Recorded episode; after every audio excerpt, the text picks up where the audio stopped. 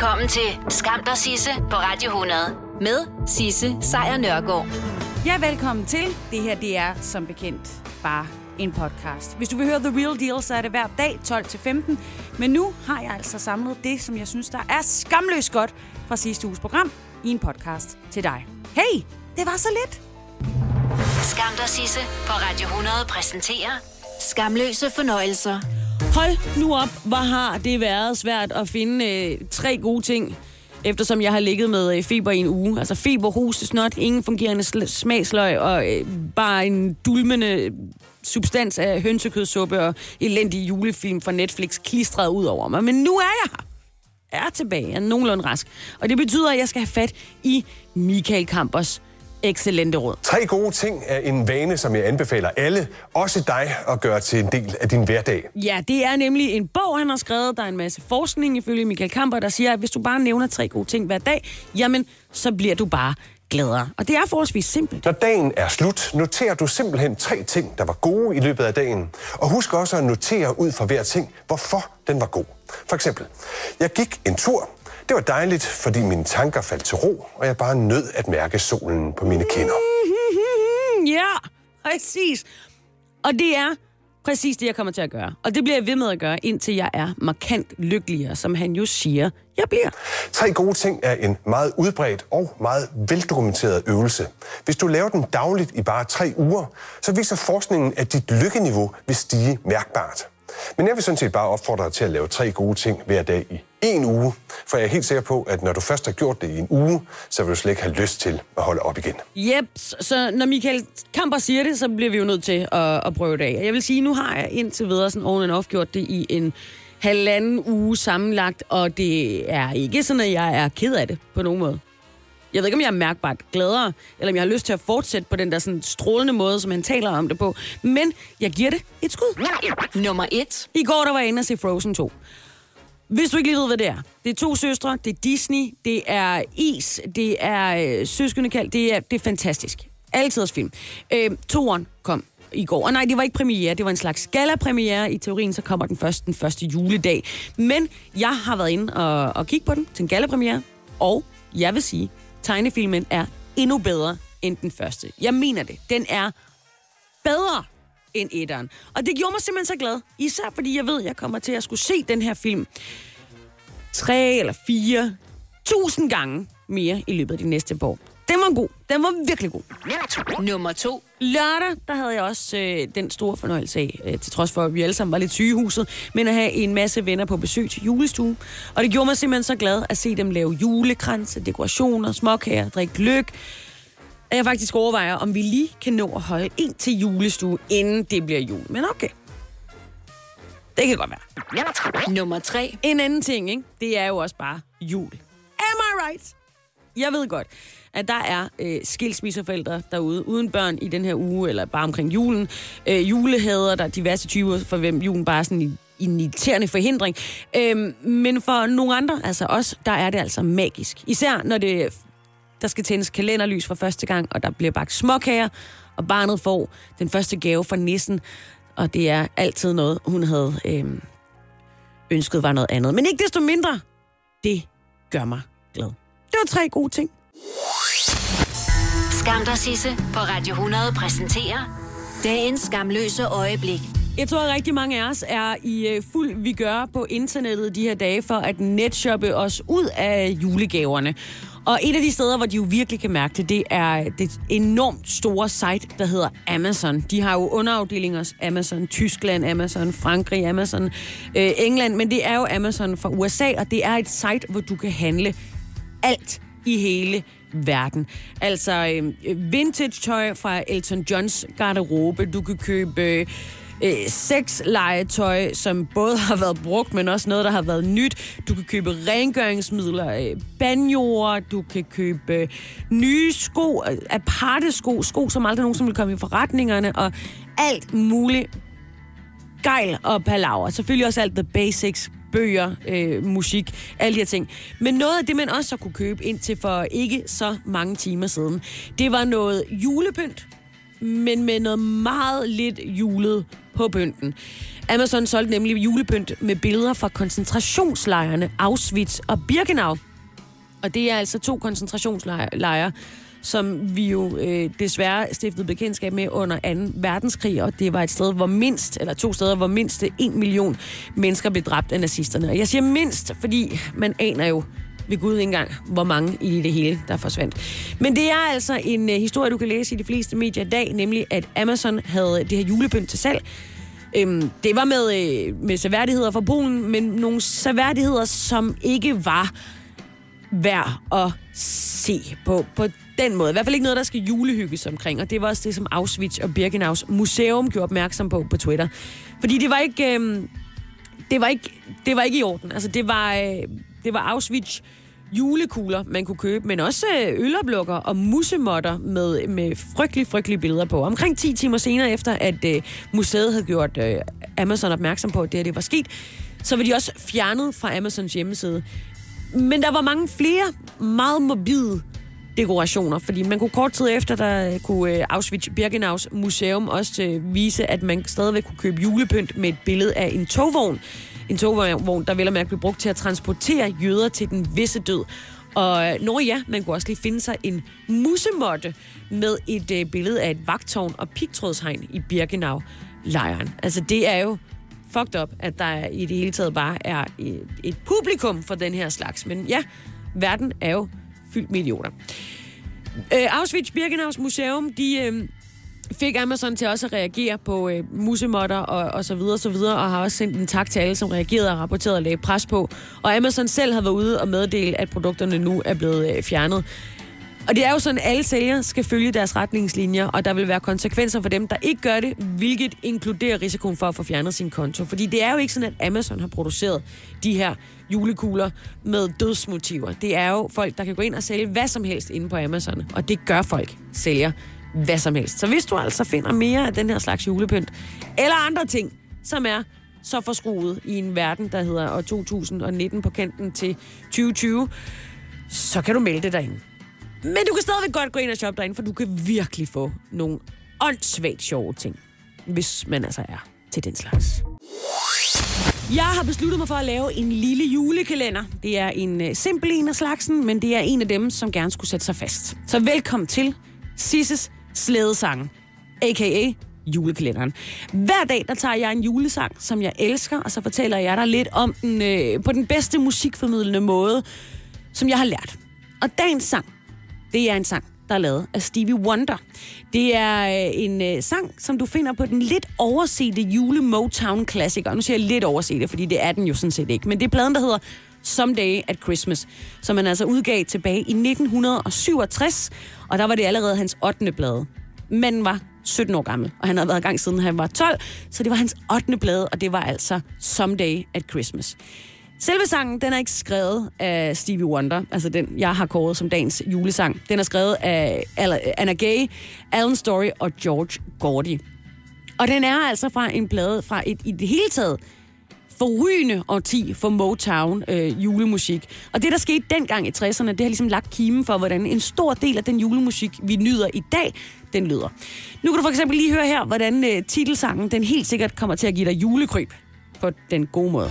Silver bells, silver bells, it's Christmas time in the city. Ja, okay, nu kommer jeg til at sige, at det var titelsangen. Det er det selvfølgelig ikke. Det her, det var Silver Bells i, uh, i Wonders version. Og så er der den her på pladen. Twinkle, twinkle, little me I have a lovely light. Ja, det er Twinkle, Twinkle, Little Me, som du også finder på den plade. Og som sagt, nu kommer titelsangen til pladen. Det er den, der hedder Someday at Christmas. Mm, someday Christmas, there'll be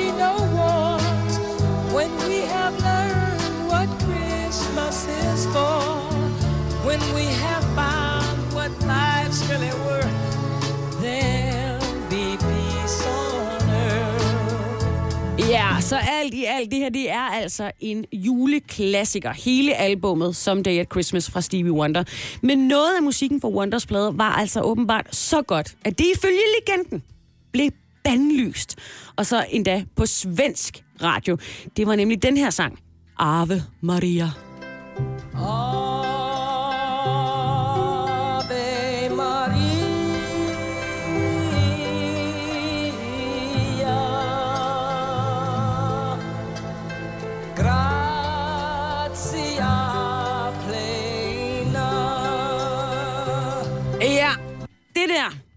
ifølge svenskerne åbenbart en vandhelligelse af selveste kristendommen, at en sort, blind mand sang kristne julesange. Men hey, det var dengang, 1967, og sådan er det selvfølgelig ikke i dag. Men altså, nu skal vi til dagens julesang. Og det er altså en, du finder på min playliste, der er lavet til dig. Det er den, der hedder What Christmas Means to Me. Og hvis du leder efter mere julemusik, gå på Spotify, søg på Sisse Slædesange, og så dukker der en brilliant playliste op. Men her er den.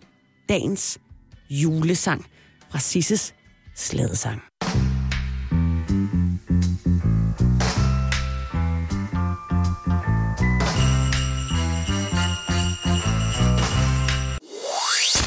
Det skal handle om næste års finanslov. Den faldt på plads i aftes. Det er det, der kaldes vores øh, budget for Danmark, det nationale budget.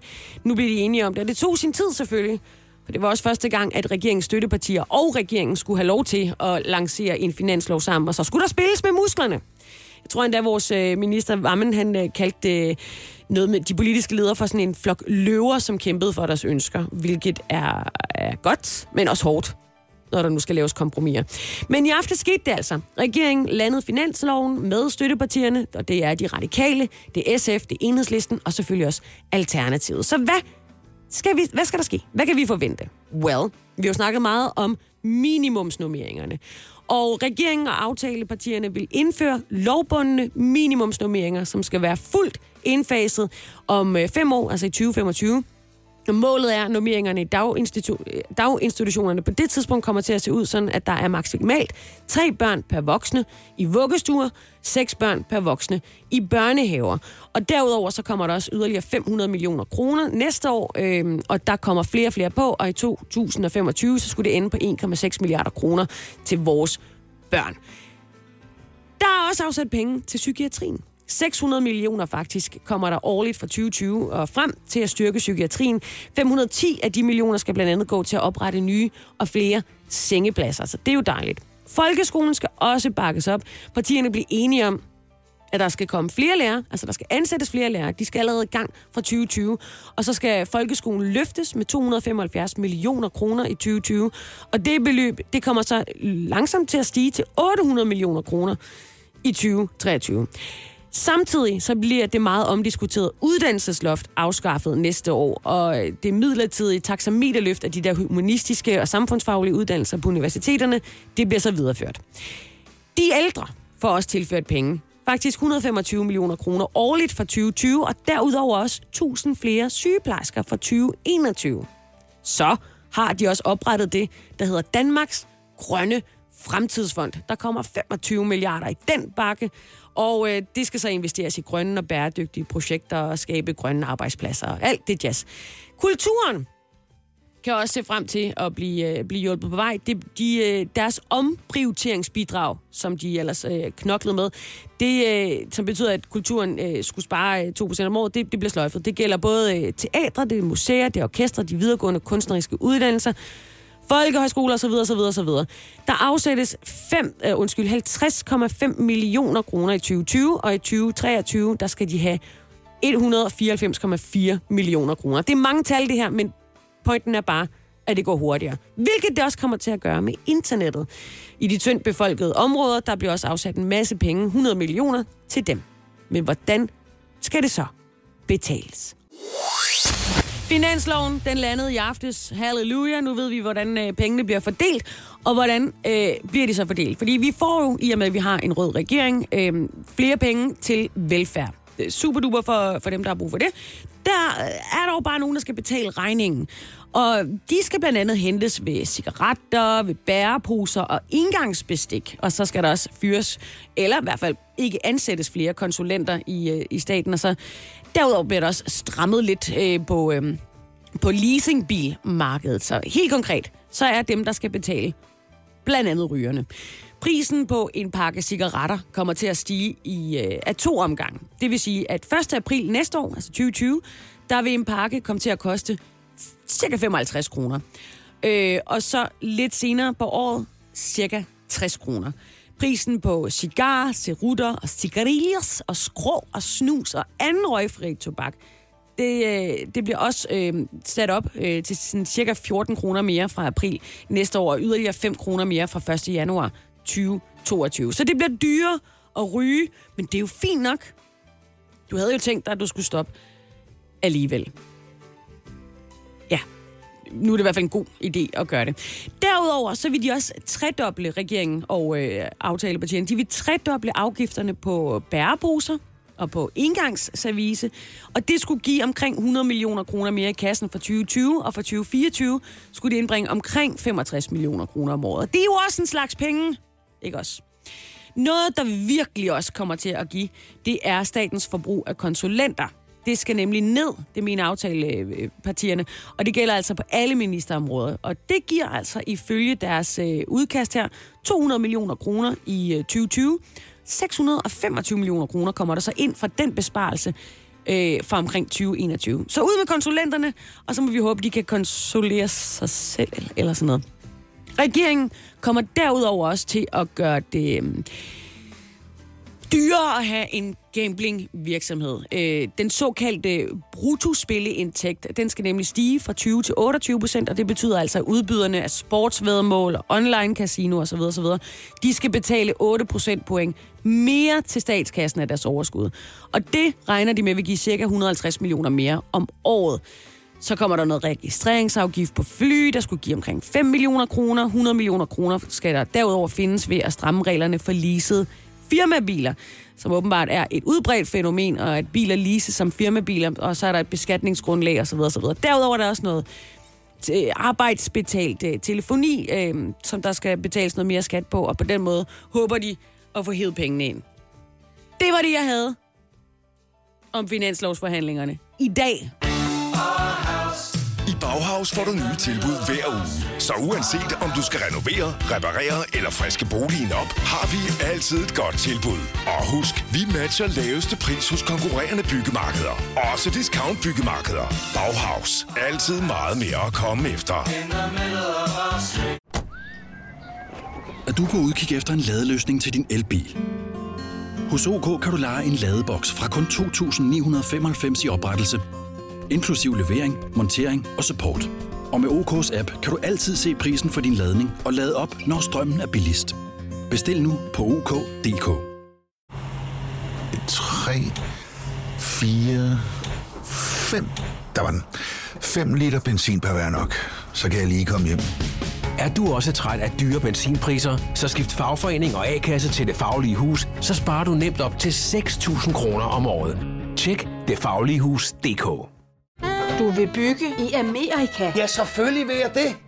Reglerne gælder for alle. Også for en dansk pige, som er blevet glad for en tysk officer.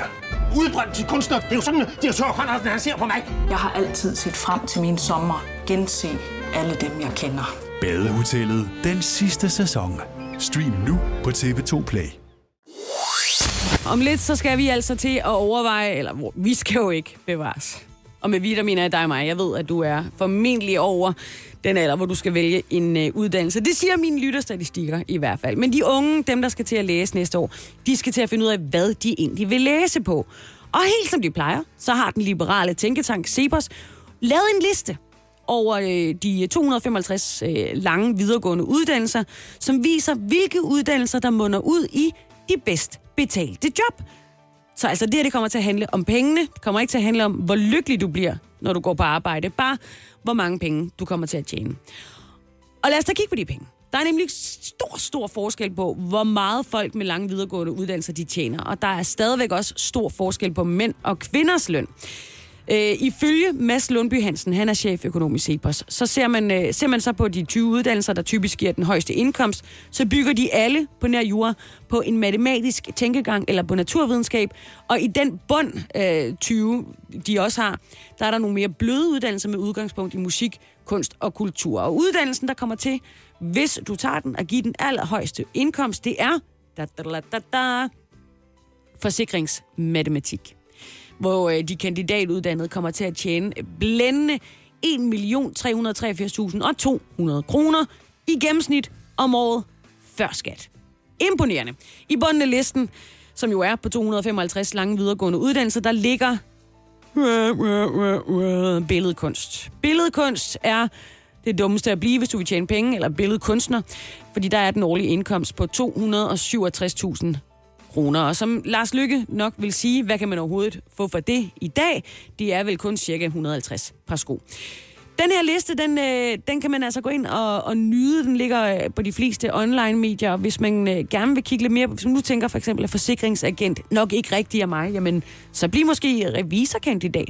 Der, de tjener også over en million, faktisk 1,1 matematik, økonomi, øh, hvis man er kendt øh, siger øh, matematik og økonomi, så kan man også tjene 1,1. Øh, så er der mejeribrugsvidenskab, videnskab, virksomhedssystemer, statsvidenskab, medicin, avanceret økonomi og finansiering, erhvervsøkonomi og endelig øh, en, øh, en jurist. Jamen, de tjener alle sammen lige omkring en million kroner. Men skal vi ned bunden, allernederst, der var der selvfølgelig billedkunst. De tjener ikke noget. Hvis du er for eksempel musiker, så kommer du heller ikke til at tjene noget. Det er knap knap 300.000 om året. Så er der for eksempel øh, også rytmisk instrument, sang, ensemble. Hvis du er bedre til det, så kan du tjene lige over 3.000 kroner. Moderne kultur og kulturformidling, nej, det er også 315.000. Sådan noget oplevelsesdesign, anvendt filosofi, alle de her sådan meget bløde ting. Det giver ikke meget mere end øh, maks 350.000 om året. Men hey, følg dit hjerte. Bliv det, du har lyst til at være. Skid hul i pengene. Vi lever jo i Danmark. Og med den nye finanslov, der lever vi åbenbart ekstra godt. Vi hører rigtig meget... Øh, hvis man vælger at høre efter, det er selvfølgelig det. Men der er rigtig mange, der har lyst til at fortælle en, hvor meget man skal sove om natten. Og det er øh, et eller andet sted mellem 7 og 9 timer i døgnet, man skal sove for at kunne holde sig nogenlunde sund og rask. Og det forklarer jo meget godt, hvorfor jeg er så stinkende syg konstant. Ikke desto mindre, så er der jo altid nogle mennesker, der sover lidt mindre i nogle perioder. Men, men forestil dig så, at kun sove 5 timer i døgnet i en hel måned. Det er der nok mange, der egentlig gør. Men ikke desto mindre, så har det været øh, virkeligheden for en øh, professionel gamer. Han hedder Andrew Bodine. Han er også nok bedre kendt som, ja, hans, hans navn er Giant Waffle. Ja. Hele november, der har han øh, kun sovet 5 timer i døgnet, og så har han altså gamet i 19 timer. Og hvorfor har den mand så det? Jo, det ville han øh, simpelthen gøre, fordi han ville slå verdensrekorden som den gamer, der har spillet mest intenst i en hel måned, hvilket altså krævede 19 timers dedikeret gaming i døgnet i en måned. Og her i weekenden, da november så blev til december, så kom han over sin målstreg, og øh, dermed har han altså helt præcist brugt 572 timer i november måned på at livestreame sig selv på det, der hedder Twitch, mens han spillede og er dermed også lykkedes med sit øh, rekordforsøg. En øh, tidligere streaming-rekord inkluderer en fyr, der hed Jay Biggs. Han havde øh, 569 timer. Også bare sådan lidt, prøv at tænke at have spillet i 569 timer, og så tabe øh, året efter. Altså, så skal man til det igen, ikke? Hvad bliver det næste? Så er der en anden en, der har spillet i 566 timer, 540. Det er lige meget. Den vilde rekord er slået. Og op til øh, rekordforsøget, så forsøgte Giant Waffle også, altså som en rigtig sportsmand faktisk, at tilpasse sin, sin søvnrytme til det her meget krævende forsøg. Øh, velvidende for ham, at det ikke vil være sådan hammerende sundt for ham at kaste sig ud i 19 timers live gaming i, øh, i, i døgnet. Han sagde i, øh, i hvert fald i sidste måned, at det ikke er sundt at streame 19 timer om dagen. Det kunne han vel at man godt mærke. Og han sagde, at det er ret åbenlyst, og det er jeg godt klar over, men der er mange mennesker, der forsøger at slå rekorder, der presser sig selv på måder, vi ikke anser som at være sunde. Det er ikke let. Det har heller aldrig været meningen. Det skulle være let. Fair nok. Hvordan lyder man så, når man har finder ud af, at man har spillet i 570 timer, og dermed har slået rekorden? Chat, we did it! 570 hours. We're not done just yet. We're going to push a little farther. But holy shit. 19 hours a day for 30 days straight. A little bit over 19 hours is why we're actually like almost two and a half hours ahead of schedule. Ja, men det er fint nok. 570 timer spillet, men vi, jeg, skal lige, jeg skal lige være færdig. Jeg skal lige have to timer til, og det er jo bare... Oh, det er derfor, jeg aldrig nogensinde bliver gamer. Lidt god øh, julestemning, Sisse. Jeg tror, jeg har fundet din øh, overmand i øh, julestemning. Nej, det tror jeg ikke, du har. Mm, jo, han Nej. hedder Werner Lund, og han er fra Grenåen. Og siden august, der har han altså pyntet op i haven til Siden jul. august? Siden august, der har han brugt 6 timer dagligt på at pynte op i haven. Det holder jul. ikke. Lyskæder Der må- og lyslamper. 40.000 små forskellige farvede lyslamper har han dekoreret haven Men siden august, vi må jo ligesom have et sæt fælles spilleregler for alle os julepsykopater derude. Ja. Det går jo ikke. Nej. Vi kan jo ikke følge med så. Ja, han startede før tid. Sådan er det bare. Og det er altså til glæde for hele nabolaget, der kommer og besøger den her have. Og det er også til glæde for hans kone, Susanne, som her forklarer, hvorfor hun er glad. Jamen, jeg er rigtig glad, fordi at, øhm, nu tror jeg, at han måske er, er lidt mere ind, og han bliver heller ikke så irriteret, når jeg kommer ud og skal finde ham mellem alle julelysen for at sige til ham, nu skal han altså ind og have mad. Altså, det er noget af et arbejde, og han kommer heller aldrig til tiden, så nu regner jeg med, at det bliver meget bedre. Men hvis julelysen ikke virker, så er han jo herude igen. Hun er egentlig ret ligeglad med selve julelysene. Det er bare, nu kommer Werner ind og får mad. Spiser sammen med mig. Der, Åh, man ja. har sine prioriteringer, ikke? Det er nuttet. Men august! På den første dag i går til øh, NATO's øh, topmøde, der holdt øh, præsident Donald Trump sig ikke tilbage fra at tale med pressen i London. Og modsat alle de andre mange mærkelige pressemøder, han har holdt, hvor han har stået foran diverse øh, kørende øh, helikopter, så var det her sådan forholdsvis stille og roligt, og der var mange af dem, og det var improviseret, og det var forholdsvis lange pressemøder. Hvilket heller ikke gik ubemærket hen blandt USA's nærmeste allierede. I hvert fald så blev nogle af de nærmeste allierede i hvert fald fanget på en video senere på aftenen, hvor de sladrede om Donald Trump.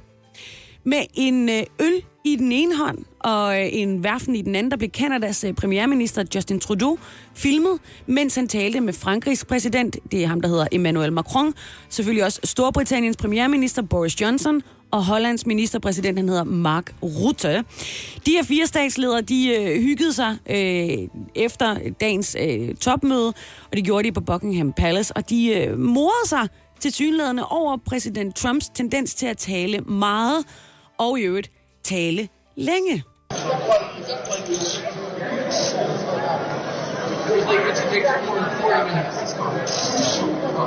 Ja, jeg har prøvet at redigere lyden så godt, som jeg kan, men det er stort set umuligt at høre, medmindre man kan se videoen også, som journalister har tekstet. Men det, der sker, det er, at Boris Johnson han spørger Emmanuel Macron, er det derfor, du kom for sent? Og så træder Kanadas premierminister Justin Trudeau ind og siger, han kom for sent, fordi han pludselig skulle være med i et 40 minutter langt pressemøde. Og herefter så taler Macron, det er lidt umuligt at høre, hvad han siger, men det, der endegyldigt sker, det er, at de alle sammen bryder ud i latter. Uh, Maggie Haberman, hun er politisk journalist på uh, The New York Times, og hun har jo i mange år uh, fulgt Donald Trump, og hun skriver på Twitter, at præsidenten formentlig ikke vil bryde sig om at se den her video fra Buckingham Palace i London, hvor, uh, hvor NATO-topmødet det er i gang. Uh, fordi han simpelthen hader tanken om, at nogen griner af ham. Han har nogle gange også været ude og nærmest lyde en lille smule jaloux ekskæresteagtig med, at hele Europa griner af ham. Men hvad er det så, der gør, at Trump i de her dage er i endnu, kan man godt kalde det efterhånden, endnu en magtkamp med øh, Frankrigs præsident Emmanuel Macron? Well, det har jeg selvfølgelig også med. Så, altså den britiske, den franske, den kanadiske og den hollandske premierminister gik ind på Buckingham Palace, fik sig en drink, og voila, så var den amerikanske præsident en joke. I hvert fald, når man ser en video fra Buckingham Palace, hvor de fire premierminister er fanget, mens de, øh, altså fanget på videoen, mens de slader øh, om og griner af Donald Trump. Men hvad ligger der forud for den her video? Fordi det var jo dag 1 på NATO-topmødet i London i går, og især en præsident havde ret travlt med at holde pressemøder i Europa, og det var selvfølgelig Donald Trump. Og en af dem, som stod for skud, det var den franske præsident Emmanuel Macron. Undervejs øh, i det her NATO-topmøde i går, der støttede Macron sammen med både USA's præsident og Tyrkiets præsident øh, Erdogan, i forlængelse af, at øh, Macron han har kaldt NATO-samarbejdet for hjernedødt. Det brød Trump sig ikke om. And I heard that uh, President Macron said NATO is brain dead. I think that's very insulting to a lot of different forces, including a man that does a very good job in running NATO. It's a tough statement, though, when you make a statement like that. That is a very, uh, very, very nasty statement to essentially 28, including them, 28 countries. Så det var altså nasty af Emmanuel Macron at ytre øh, kritik af NATO-samarbejdet. Og da den franske præsident så senere på dagen skulle mødes med Donald Trump, så udviklede det sig også efterfølgende til et ret langt pressemøde, hvor de to blandt andet skulle diskutere øh, Tyrkiets offensiv imod de, øh, i hvert fald hidtil øh, kurdisk kontrollerede områder i det nordlige Syrien. Macron han frygter nemlig, som ret mange i Europa jo gør, at den her offensiv den kan føre til et comeback for islamisk stat, dem som vi endelig havde fået ned med nakken, så at sige, sidste år. Øh, og så beskyldte han i øvrigt også Tyrkiet for indirekte at støtte islamisk stat.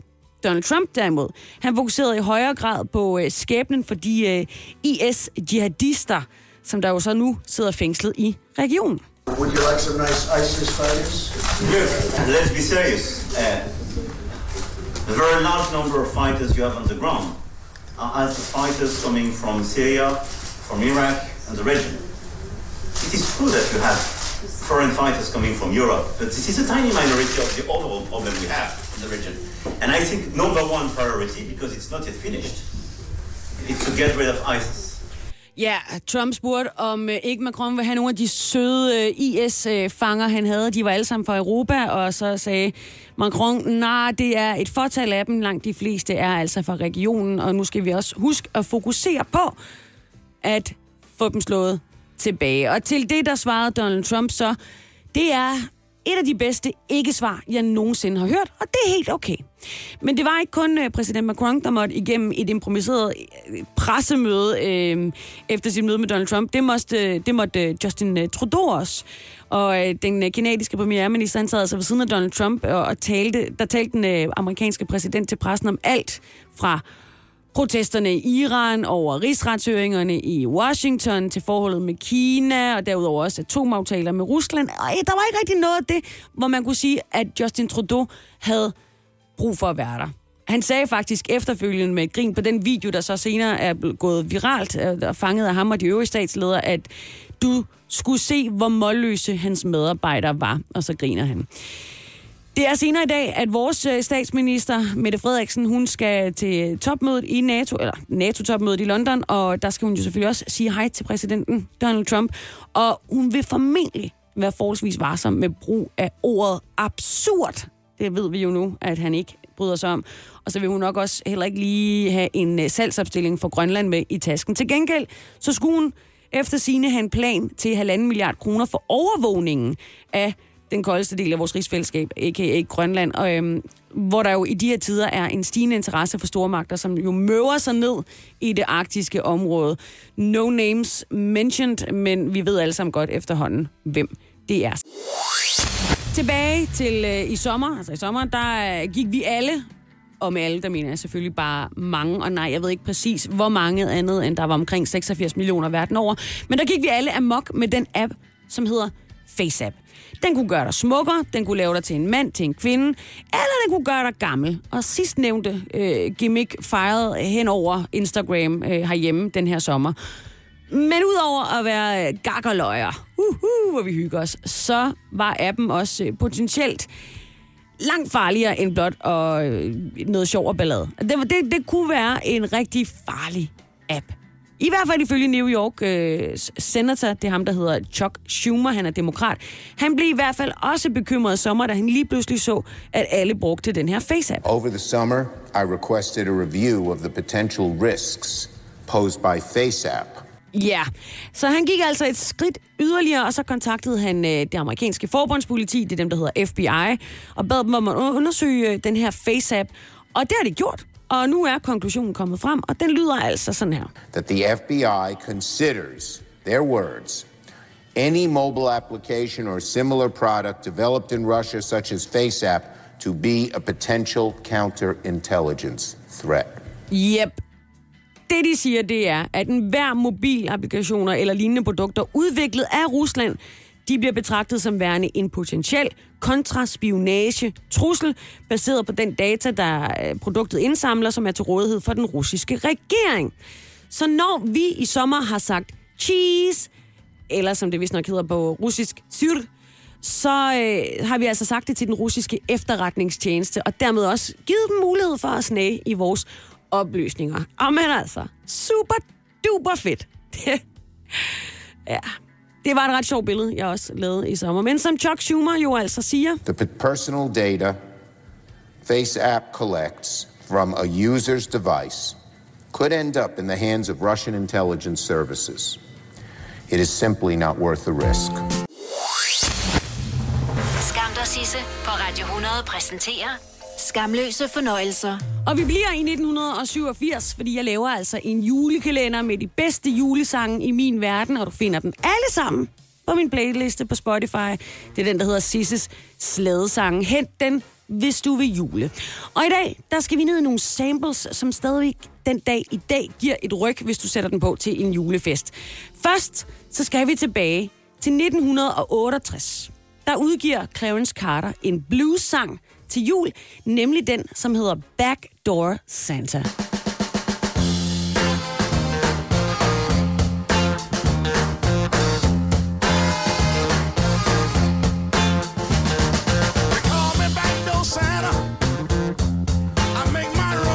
Ja, hvis du kender lyden af den her sang, så kender du efterhånden også den sang, som jeg har smidt ind bag min låge i dag.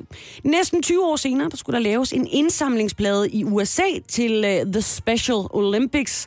Og øh, selvom både Whitney Houston, Bruce Springsteen og Madonna havde sagt ja til at være med på den her plade, som kom til at hedde A Very Special Christmas, så ville rapgruppen Run DMC slet ikke se sig selv i det setup. Men øh, musikjournalist og kommunikationschef for det, der hed Rush Productions, Bill Adler, han advokerede meget stærkt for, at de skulle hoppe ombord, og så gav han dem nemlig et oplæg til den idé, som de kunne bruge, nemlig Christmas in Hollis. Det kunne de godt se. Og historien om gruppens møde med St. Nick i Hollis i Queens, hvor de altså voksede op, blev til virkelighed. Og selvom det i dag er en klassiker, så er det altså ikke den første julerap, som er lavet, som mange ellers fejlagtigt har sagt. Hør for eksempel den her. Now I'm the guy named Curtis Blow, and Christmas is one thing I know. So every year, just about this time, I celebrate it with a rhyme. Yeah. Det var Curtis Blow. Han udgav øh, sangen Christmas Rapping i 1979, og dermed så var han den første, som lavede en julerap. I 81, der fik øh, Curtis Blow selskab af en anden sang, som hedder Christmas Rapping, altså øh, indpakning. Og det var en slags joke på øh, Curtis Blows rap, og den er fra indie-bandet, der hedder The, The Waitresses. Og nu skal jeg lige finde den. Den er der. Yeah.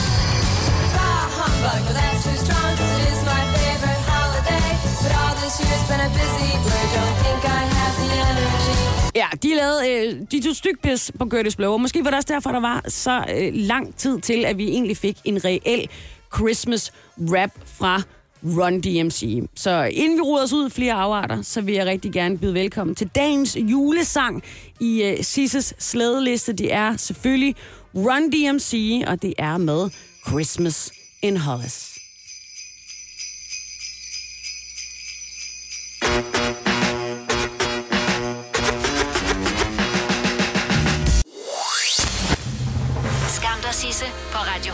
Præsenterer Skamløse fornøjelser. Det har været nogle øh, breaking day inden for juleknæs. Først så kunne vi erfare, at øh, vaniljekranse købt i en af Selling Groups butikker ikke indeholder vanilje, men en form for kemisk blanding, som har en vaniljearoma. Og så kom der endnu en sukkerbombe, fordi vi ved jo, det sådan skal det være, at ægte marcipan, det består af malede mandler, så er der lidt vand, så er der sukker, og så er det klart. Derfor er der jo også billeder af mandler på forsiden af for eksempel bagemarcipanen fra Odense Marcipan. Der er bare et problem. Marcipanen den består primært af aprikoskerner, sukker og kun 15% mandler. Så det er en gigantisk skuffelse, og jeg bliver så træt, fordi jeg vil gerne have ægte vaniljekranse og god marcipan. Og jeg har jo nu fundet ud af, at så bliver man nødt til at lave det selv. Altså, derfor har jeg fået lov til at ringe til ingen anden end Tobias Hamann, forfatter, chokolademager og ikke mindst vinder af den store bagdyst. Hej Tobias. Hej med dig. Og ved du hvad? Jeg, jeg har det sådan, at det er en kæmpe chokker, at de fødevarer, vi køber, stadigvæk den dag i dag, ikke er de fødevarer, vi regner med, de er. Men hvordan var det for dig at finde ud af, at marcipan ikke bare er marcipan, men også aprikospan, eller hvad kan man kalde det? ja. Det er selvfølgelig trist. Altså, sådan er der så meget her i julen, ikke? Altså, øh, med forventninger og sådan noget, der ikke bliver opfyldt og så videre. Så ja, det er jo, det er jo trist. Altså, jeg synes jo, at marcipan skulle helst øh, indeholde øh, hovedsageligt mandler, og så lidt, lidt, øh, lidt sukker og lidt vand. Øhm, men ja, altså, det er jo, det er jo en dyr råvare, sådan en mandel, i forhold til en aprikoskerne, så det, jeg tror, det er der, man finder fra. Ja, øhm, ja, men altså, jeg synes jo, man skal lave det selv også, som du, som du foreslår. Så ved man, hvad det er, og ja, jeg, jeg øh, laver selv min marcipan. Det er jeg i hvert fald begyndt på. Det er du begyndt på. Hvorfor er du begyndt ja. på det? Mm, altså det første kan jeg godt lide at lave mad og kager, så det, det er meget naturligt for mig at lave sådan nogle ting selv. Øh, og så det her med at hele den her uvidshed om, hvad, hvad, altså hvis tingene ikke er det, de foregiver, øh, og, altså, eller foreskriver, øh, og det, det er billeder af alt muligt, som overhovedet ikke øh, findes i det, man køber, så synes jeg, det, ja, så bliver man sådan lidt ført bag lyset, og det, det gider jeg sgu ikke. Ja, hvad så, bliver så det kan jeg næste? bare rigtig godt Ja, det er det. Og så kan jeg bare... Altså, jeg kan bare skide godt lide, når man øh, sidder og spiser noget, man øh, lige har lavet, og man ved lige præcis, hvad det er, og hvad det indeholder og sådan noget. Så, så smager det bare lige 5% bedre. Perfekt. Det lyder ja. godt. Og jeg ved jo også, at du har en opskrift, fordi jeg følger dig på Instagram, og der kan man jo, hvis ja. Man øh, følger med, øh, simpelthen få øh, alle tiders opskrifter til alt muligt, fra marcipanbrød til den mest blendede smoothie med øh, god sprutti, har jeg også set, du gør en gang imellem. Og det er jo ja. En, en kæmpe fornøjelse. Men her forleden, der så jeg, at du lavede marcipan. Ja. Og det så så simpelt ud, at selv jeg øh, vurderede, at det kan jeg også finde ud af. Ja, altså jeg vil sige, det der med aprikoskerne, så bliver det lige pludselig indviklet, synes jeg. altså, det vil være så nemt for dem bare at gøre, som man skal gøre, ikke? Men det bliver uden øh, marcipan, øh, undskyld, aprikoskerner i øh, den her omgang. Find din blog frem, så du er klar til at notere. Så kommer øh, Tobias øh, Hamann med sin øh, marcipan-opskrift. Har du for meget at se til? Eller sagt ja til for meget? Føler du, at du er for blød? Eller er tonen for hård? Skal du sige fra? Eller sige op? Det er okay at være i tvivl. Start et godt arbejdsliv med en fagforening, der sørger for gode arbejdsvilkår, trivsel og faglig udvikling. Find den rigtige fagforening på dinfagforening.dk. I Føtex har vi altid påskens små og store øjeblikke. Få for eksempel pålæg og pålæg flere varianter til 10 kroner. Eller hvad med skrabeæg 8 styk til også kun 10 kroner. Og til påskebordet får du rød mal eller lavatserformalet kaffe til blot 35 kroner. Vi ses i Føtex på Føtex.dk eller i din Føtex Plus-app. Arbejder du sommetider hjemme? Så er Bog og ID altid en god idé. Du finder alt til hjemmekontoret, og torsdag, fredag og lørdag får du 20% på HP Printerpatroner. Vi ses i Bog og ID og på Bog og ID.dk. Harald Nyborg. Altid lave priser. Sjehpak. Højtryksrenser. Kun 299. Møbelhund til 150 kilo. Kun 49 kroner. Tilmeld nyhedsbrevet og deltag i konkurrencer om fede præmier på haraldnyborg.dk. 120 år med altid lave priser. Og øh, så håber jeg, at du har fundet en øh, blog frem og er klar til at notere. Fordi at øh, jeg har jo altså haft øh, god kontakt med Tobias Hamann i dag, som du jo kender. Blandt andet som vinder af den store bagdyst. Og han har lovet mig sin marcipanopskrift. Hvordan er din marcipan? Hvordan laver du den? Altså, øh, jeg, køber, jeg køber mandlerne, hvor de er smuttet, fordi jeg, jeg gider ikke rigtig til at selv stå og koge dem og smutte dem og sådan noget. Men det kan man gøre, hvis man sådan vil være altså, helt old school. Øhm, og så skal man lige tørre mandlerne lige, lige kvarter i ovnen ved lav temperatur, så de ikke er sådan våde eller fugtige. Og hvad er Øh, lav så- temperatur? Øh, 150 grader. Alright. Så ikke så lav igen, men alligevel. Men de må ikke tage farve, fordi så bliver det lige pludselig en helt anden smag. Så det er bare lige for at tørre dem. Og så blender man dem til mandelmel. Man kan også, det er lige en, en tredje ting, man kan også bare købe mandelmel, øhm, og så bare bruge det. Så blender man faktisk bare, øh, altså, øh, så tager man øh, en deciliter sukker og en deciliter vand, og lige koger op, så sukkeret smelter. Så der kan de her sukkergryn i. Jeg ved, at den svenske marcipan, hvis nok, der, der vil de rigtig gerne have, at der er sådan sukker og knas i. Okay. Det vil vi ikke så gerne have. Nej. Så, så tror jeg ikke. Øh, men det kan man så gøre, hvis man vil det. Men ellers så smelter man lige sukkeret i vandet, og så lader man det afkøle For det er en anden ting. Altså, mandler, de afgiver rigtig meget olie, hvis de bliver øh, varme, og hvis de også bliver blendet for lang tid. Så får man sådan en mandelpaste, altså sådan, ligesom man kender fra Nutella, ja. så er lavet på hasselnødder. Så man skal bare lige blende mandlerne, til de bliver til mandelmel, eller tage sin mandelmel og så øh, blande med, med den her sukkerlag, som så heller ikke må være varm, så den skal lige afkøle, når sukkeret er smeltet. Man laver den her sirup selv, med en deciliter vand og en deciliter sukker, og lige får, øh, får sukker til at smelte, og så lader man det afkøle, og så blander man det med sin mandelmel, som man enten selv har lavet, eller som man har købt. Og, og hvad sker der så? Jamen, så blender man bare lige sådan...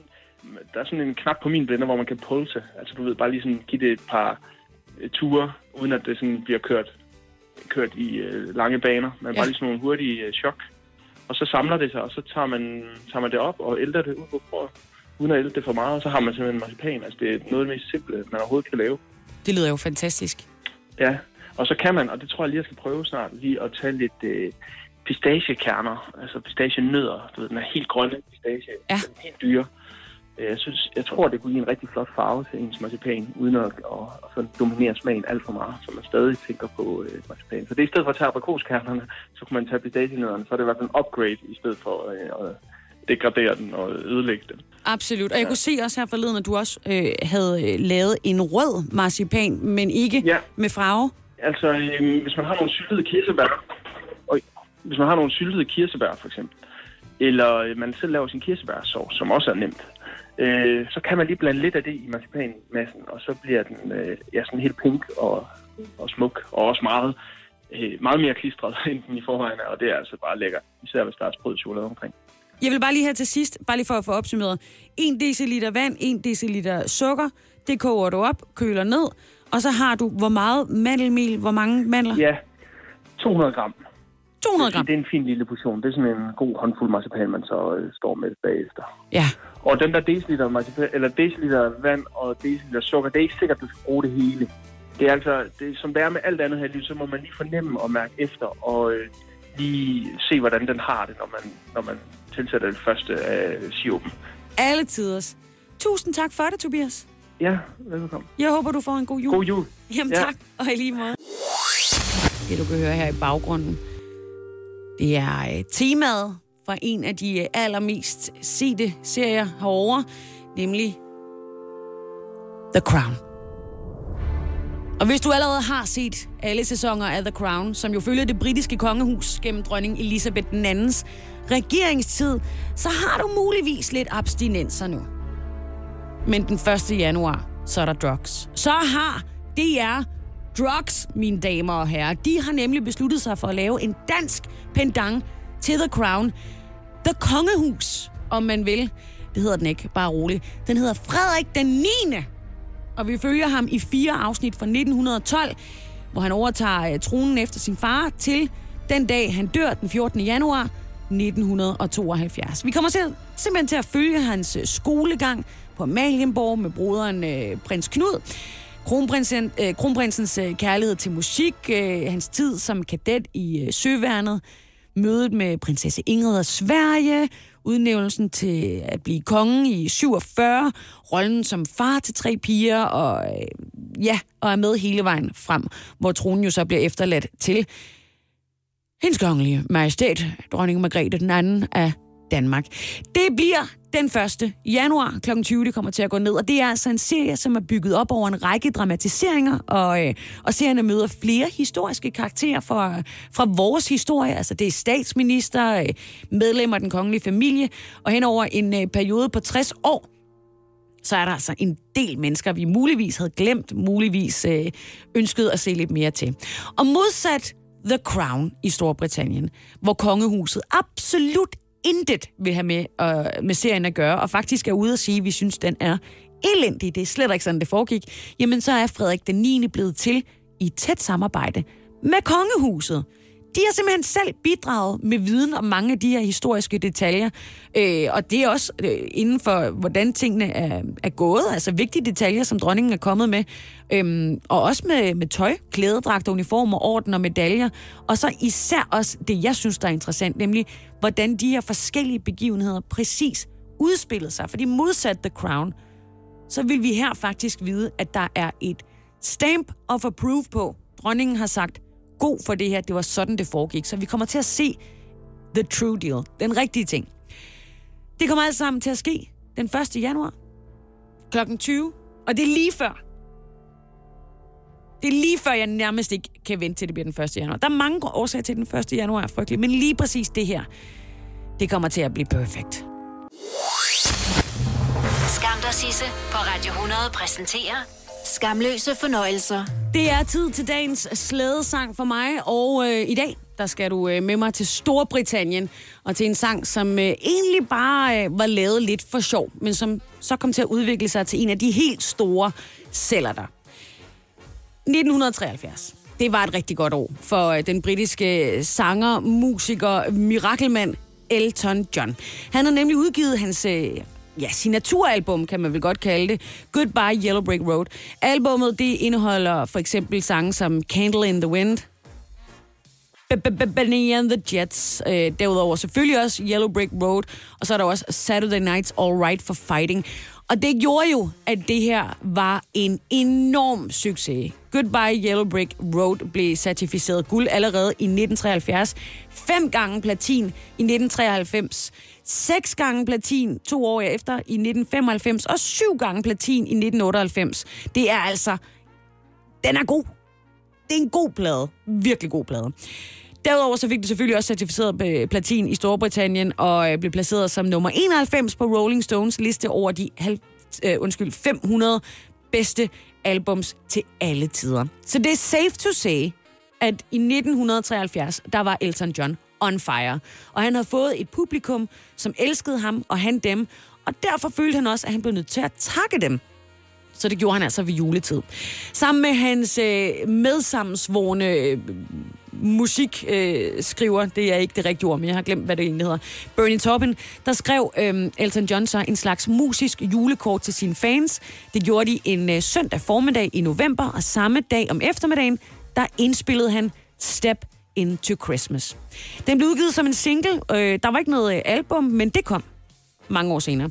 I, øh, I 1995 der kom det for eksempel snigende med på en blade, øh, nemlig bladen øh, Caribou, som udkom i en sådan nymixet version, og der var altså en bonussang på med bjæller, og så var det, man begyndte at se, at der var potentiale i den. Fordi nu kan du også finde den på hans plader Christmas Party, Rare Masters, To Be Continued, Diamonds og så alle mulige diverse juleopsamlingsplader. Så selvom at uh, Step Into Christmas kom helt alene til verden, så fik den altså en masse udgivelser senere. I 1993, øh, 73, øh, øh, undskyld, hvor den udkom, der blev den øh, hævet op på en øh, 24. plads på den britiske single hitliste. Men det er kun gået op af siden da. Sidste år der ramte den øh, top 10 over, den mest, over en af de mest spillede singler i hans hjemland. Altså i 2018 røg den på top 10. Så det er stadigvæk en rigtig god sang. Absolut. Og det, vi kan også godt lide den herhjemme, og jeg kan især godt lide den, og det er derfor, du kan finde den på min playliste, som redder din jul. Den hedder Sisses Slædesang. Du finder den inde på Spotify, hvis det er, at du går og mangler noget ekstra julet. Og ellers, så ved du i hvert fald, at øh, dagens slædesang fra Sisse, det er selvfølgelig den her vanvids galore af godt humør fra 73, nemlig Elton John og hans Step Into Christmas.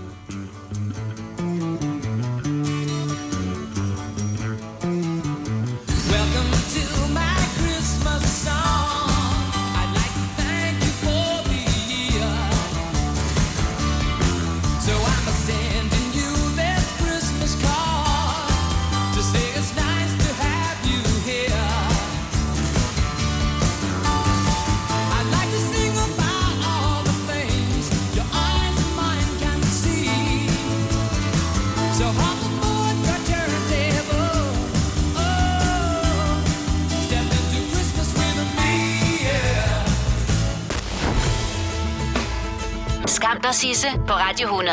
Med Sisse Sejr Nørgaard.